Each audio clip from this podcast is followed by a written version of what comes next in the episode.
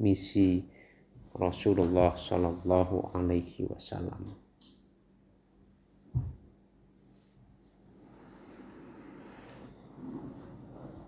Ke sebelah timur dan barat bumi ini nampaklah kebenaran firman Allah Subhanahu wa taala.